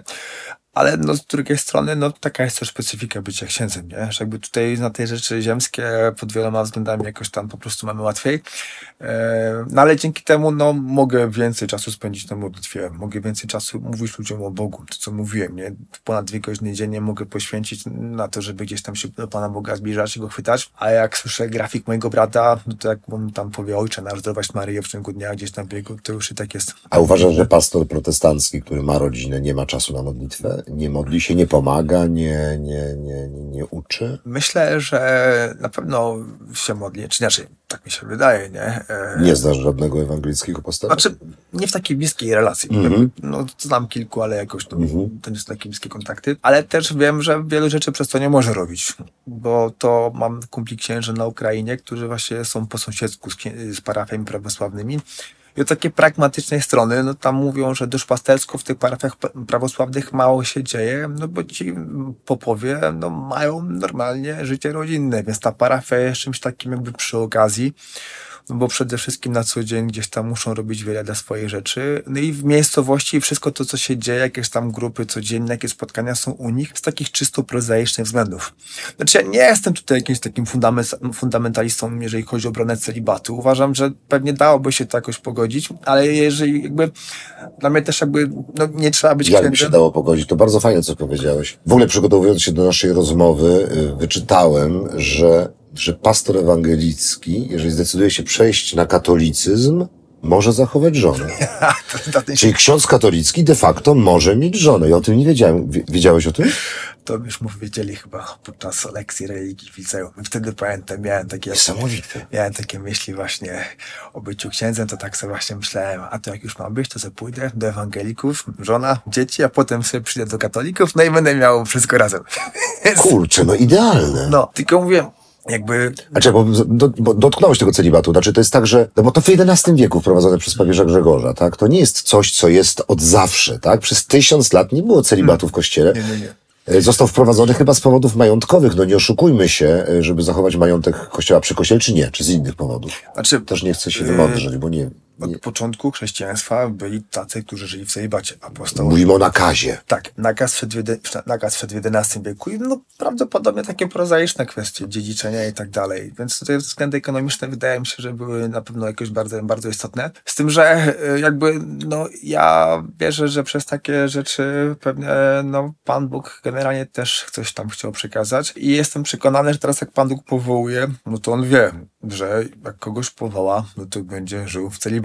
Ja naprawdę przeżywałem piękne momenty e, z płcią piękną i naprawdę jest tu duży problem w takim znaczeniu, że teraz żyję w celibacie i to nie jest tak, że jak ja coś tam kiedyś przeżywałem, to sobie myślę, a to już sobie coś tam, to teraz to już jest zero problemu. Ale od początku też mówiłem, Panie Boże, bo ja taki byłem zawsze trochę dysku, dyskusyjny. Mówiłem, Panie Boże, wiesz jak jest, więc generalnie no jak uważasz, że to jest, no to to okej, ale no, to, to, to będę potrzebował faktycznie jakiegoś takiego twojego mocnego wsparcia i, i jakoś z, no, z mojego życia tak to jest, że po prostu Pan Bóg jak do czegoś powołuje, to też jakby dlatego, bo wiem, że ta osoba na tej drodze będzie szczęśliwa i też, że będzie miała wystarczająco sił, żeby mierzyć się z tym, co jest trudne. Bo ja bym mógł mieć jakieś takie dzieci, które by mi tam krzyczały ta, ta, ta, ta, bo robią mnie na wycieczkę, na rysy, od słowackiej strony, dla leszcza, ale z dziećmi. Nie, ma nie, od słowackiej nie wolno. No, ale to, już zostaw stary. Nie, ale wiesz co, no, czyli, czyli no okej, czyli, czyli, mm, bo ja, bo ja tu nie widzę sprzeczności, nie? Znaczy widzę oczywiście sprzeczność, jeżeli chodzi o majątek, y, majątek kościoła. Wiesz, czy- co nas najbardziej wkurzało w Krakowie? Wkurzało i nie wkurzało. Znaczy, po prostu majątek kościoła jest niewyobrażalny w Krakowie. To są ode mnie z okna y, szkoła podstawowa numer 7 na ulicy Spasowskiego przy ulicy Łobzowskiej. To jest samo centrum, kilkaset metrów od plant, od rynku głównego. Są gigantyczne ogrody należące do jednego z setek klasztorów, klasztorów. No całe centrum Krakowa to jest praktycznie, duża część tego centrum należy do kościoła. To są ziemie warte miliardy, wiesz, to, to drażni ludzi, nie? Dlaczego się albo dokonują aktu apostazji, albo, albo decydują się stać protestantami, pójść do skromnych kościołów, do niższych kościołów, mniejszych, ubogich, bo gdzieś tam, jak czytają Pismo Święte, to, to tej, tej, tej skromności szukają. Więc tutaj jest jakiś dy, y, dysonans i, i, i być może ten celibat właśnie doprowadził do tego, że ten kościół tak bardzo się wzbogacił, co finalnie po iluś set lata, y, latach może doprowadzić do tego, że ten kościół, że dojdzie do gigantycznego kryzysu, jeżeli chodzi o liczbę wiernych w kościele, właśnie, właśnie też i z powodu tego Bizancjum. Znaczy, jeżeli chodzi o świątynię, no to, to też jest taki temat. E, pięknie słucham. Słuchajcie. E, no bo w Księdze Królewskiej opis świątyni Salomona jest na bogato, więc prawda. sam chciał taką świątynię, nie tam, że zbudujcie mi szopkę, tylko po prostu Mhm. niech to będzie dom Boży. Więc jeżeli chodzi o wnętrze kościołów, no ja widząc rozmaite też widzę, no jest na bogato, ale no mając świadomość tego, że Pan Bóg sam mówił, że jak robicie coś dla mnie, no to niech to będzie jak dla kogoś najbardziej kochanego, więc nie ograniczajcie się jakby, no, ja osobiście nie mam problemu w tym, żeby świątynia, w sensie, kościół był bogato zdobiony. No, prywatny. Po prostu, jeżeli gdzieś tam jest dużo robione, ale jest w takim znaczeniu, że to jest do kościoła, to mnie to osobiście nie rusza, no bo co z tego, że ksiądz ma ładnie, ładnie w kościele. Jakby, no, ja będąc w różnych pięknych świątyniach, nic z tego nie mam. W sensie, no, to po prostu jest ewidentnie nakierowane na kult, nie?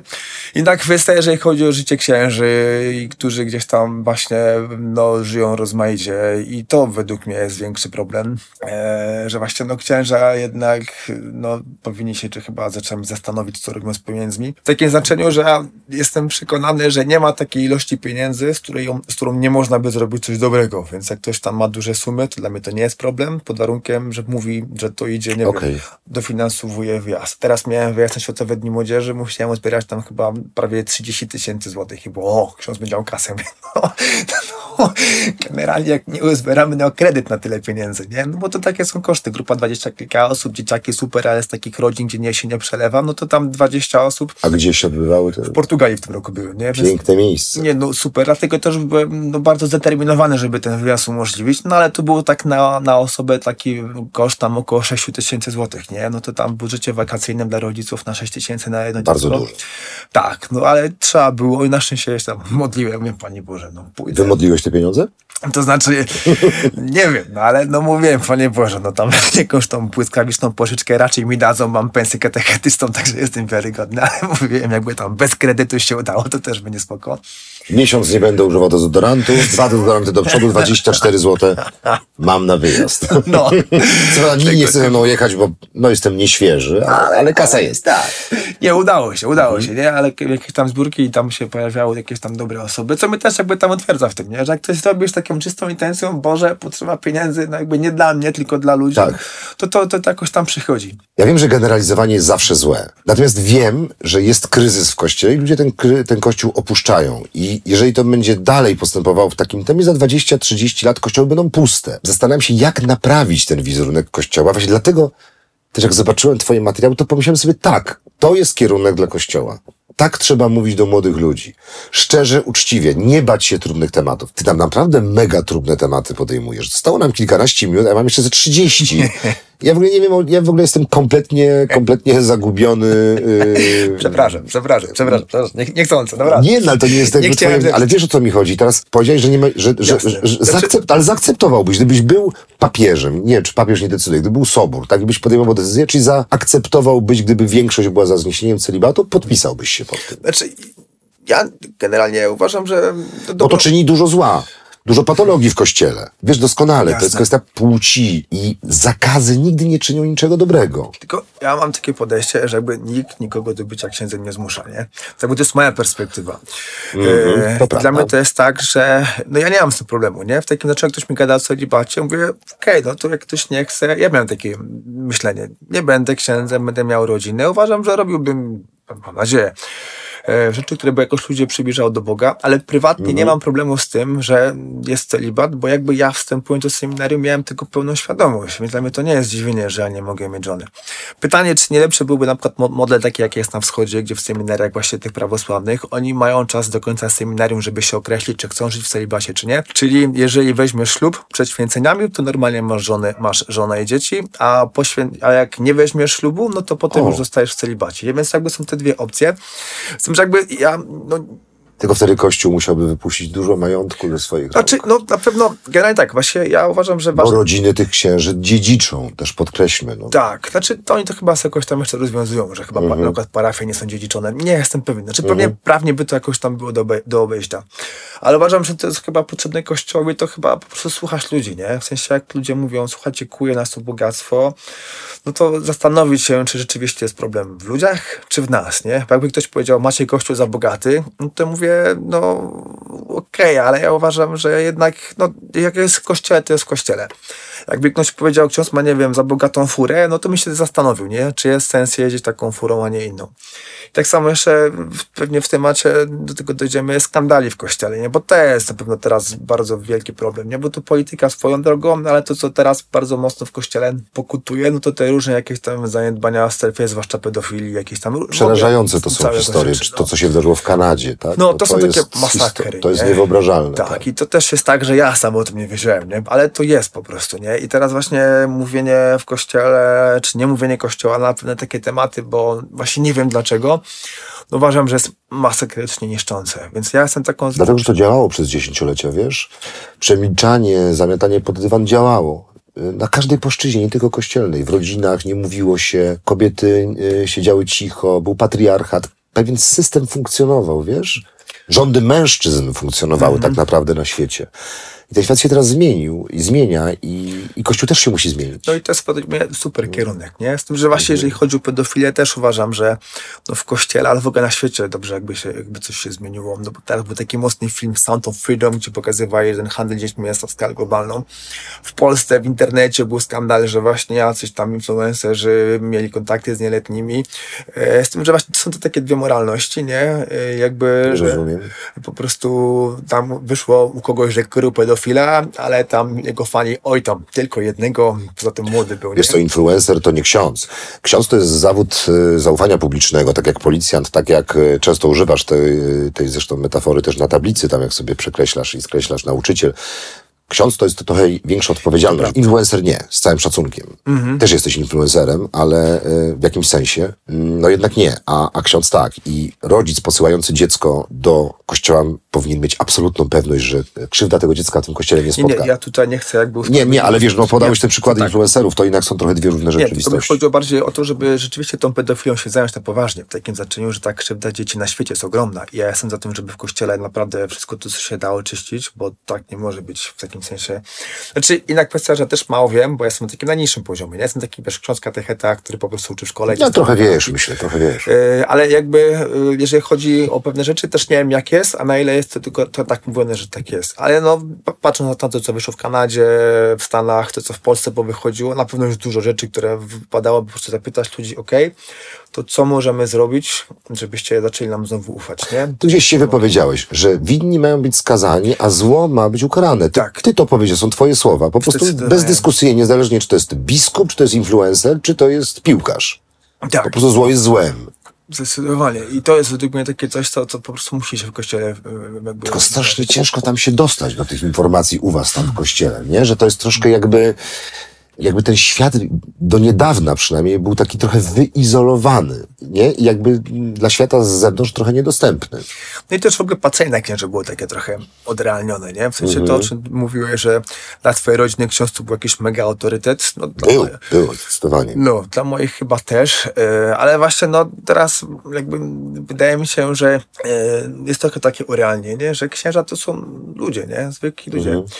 E, i ja tylko też zawsze mocno odróżniam przestępców od księży, którzy po prostu się pogubili, bo znam księdza, który był na jakiejś parafii, po prostu się zakochał, e, nie robił żadnego... Ale nazwasz pedofilię pogubieniem? Nie, Nie, nie, nie, nie, nie, nie, nie. To chodzi mi o to, bo jakby teraz generalnie właśnie księży się tak mm, właśnie e, dziwią się ludzie, że księża są ludźmi, w takim sensie, że tam się ktoś upił albo coś tam zrobił, nie? Znaczy to, co było na przykład w Dąbrowie, nie? No to jest zupełnie inna skala totalna, nie? Jak usłyszałem o Dąbrowie, to mi się, nie wiem, że to jest Nie do uwierzenia, jest tak. po prostu abs- absurd totalny, ale w takim znaczeniu, że właśnie jakiś ksiądz, jak się po prostu pogubi, nie wiem, go złapią, nie wiem, złapanie prędkości, albo go zobaczą, że poszedł na jakąś imprezę i się upił, to się go tam po prostu mówi o... Stygmatyzacja Stygmatyzacja tak. i potem idzie na inną parafię, o to ten alkoholik, żulnie, a on generalnie po prostu już zrozumiał, nie? Już, już się podniósł, chce iść do przodu.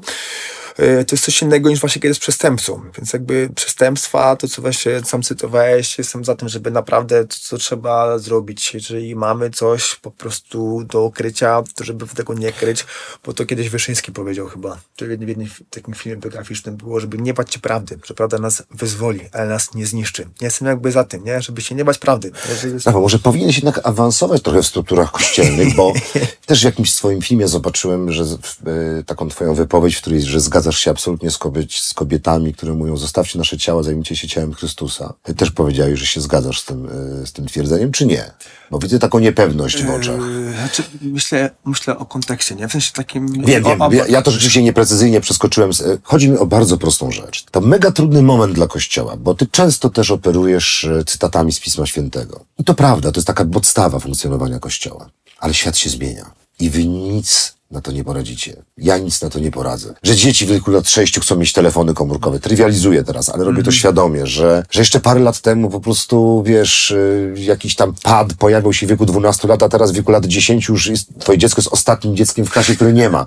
To się po prostu dzieje, wbrew rodzicom, wbrew temu, jak zostałem wychowany.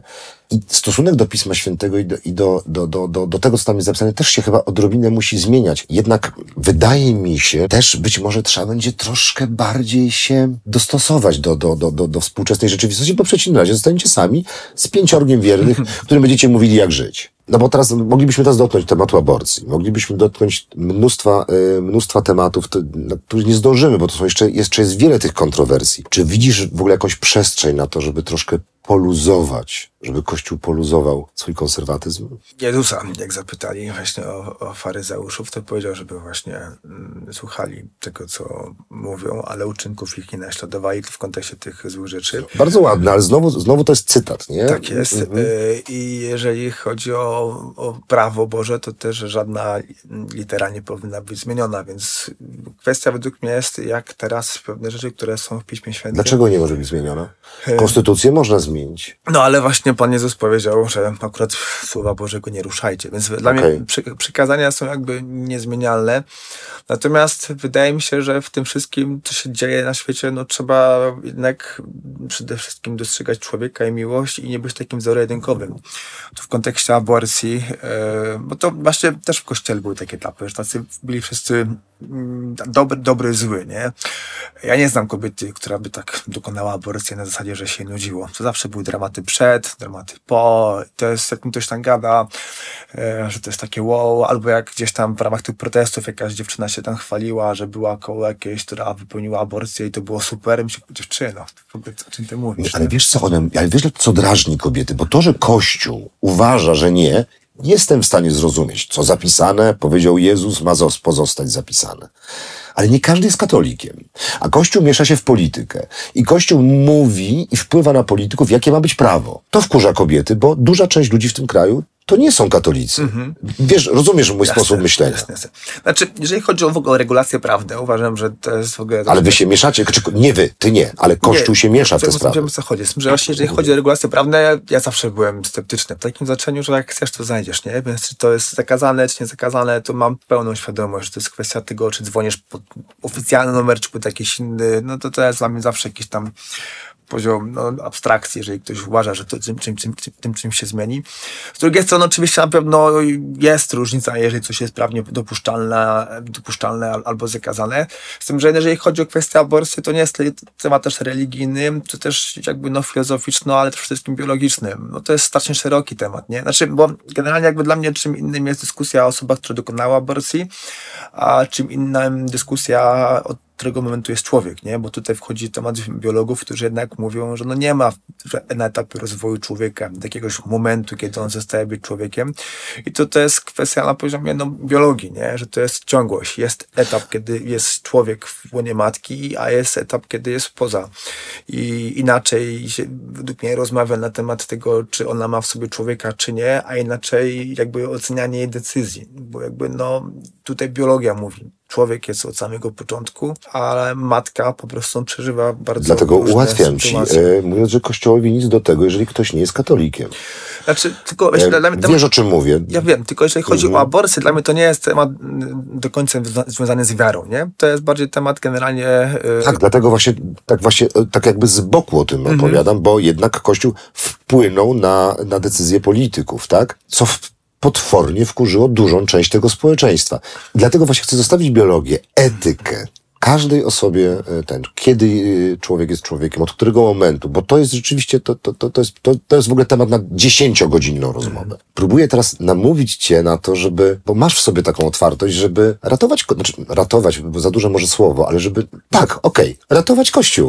Bo, bo po prostu jak się nic nie zmieni, mam takie poczucie, a może się mylę, a, a dobrze, to może jak ty uważasz? Uważasz, że za 20 lat będą wierni w Kościele? Myślę, że tak. Nie Będą, tak? Ja takie, Ale to będzie garstka, to będzie 10% społeczeństwa, 20%? To znaczy, Została Irlandia, Polska, kościoły są puste w całej Europie. no tylko jakby Jezus... Pustoszeją. To prawda. E, Z tym, że na, znów biblijnie Jezus powiedział, że ja jestem z wami aż do skończenia świata, że bramy piekielnej kościoła nie przemogą. W takim znaczeniu, że zawsze będzie, więc tutaj pod tym względem mam duże zaufanie. Też jeżeli chodzi o statystyki, nie aż tak bardzo uważam, że to jest e, coś miarodajnego. No, Kościół zawsze był w mniejszości. W Polsce była taka trochę dziwna sytuacja. Mhm. Nie? I w nagle- Irlandii. I w Irlandii, że nagle wszyscy byli. Ale jakby no, od początku to zawsze była jakaś taka garstka, nie? która gdzieś tam Ale dzięki temu Kościół miał władzę w Polsce. Dzięki temu też wydarzyło się dużo dobrych rzeczy, choćby 89. No, uważam, że no, zwłaszcza jeżeli chodzi o Polskę, ta historia naszego państwa i kościoła jest unikatowa w skali chyba świata, nie? Więc to są takie różne rzeczy, które się jakoś tam ze mnie przenikały. Natomiast jeżeli chodzi o kościół powszechny jako taki, no ten styk polityki i kościoła powinien właściwie nie istnieć, nie? W sensie to powinny być dwie przestrzenie, które się totalnie nie stykają w takim sensie praktycznym, tylko jeżeli już duchowym, nie? Że my głosimy Chrystusa, który powiedział to, no i teraz jeżeli ktoś się odnajduje w tym, w tych wartościach, to po prostu niech nimi się kieruje, nie? A jeżeli chodzi potem o jakieś konkretne akty prawne, tak jak mówiłem, no uważam, że to jest taki poziom no mocno życzeniowy, zwłaszcza jeżeli chodzi o pewne kwestie.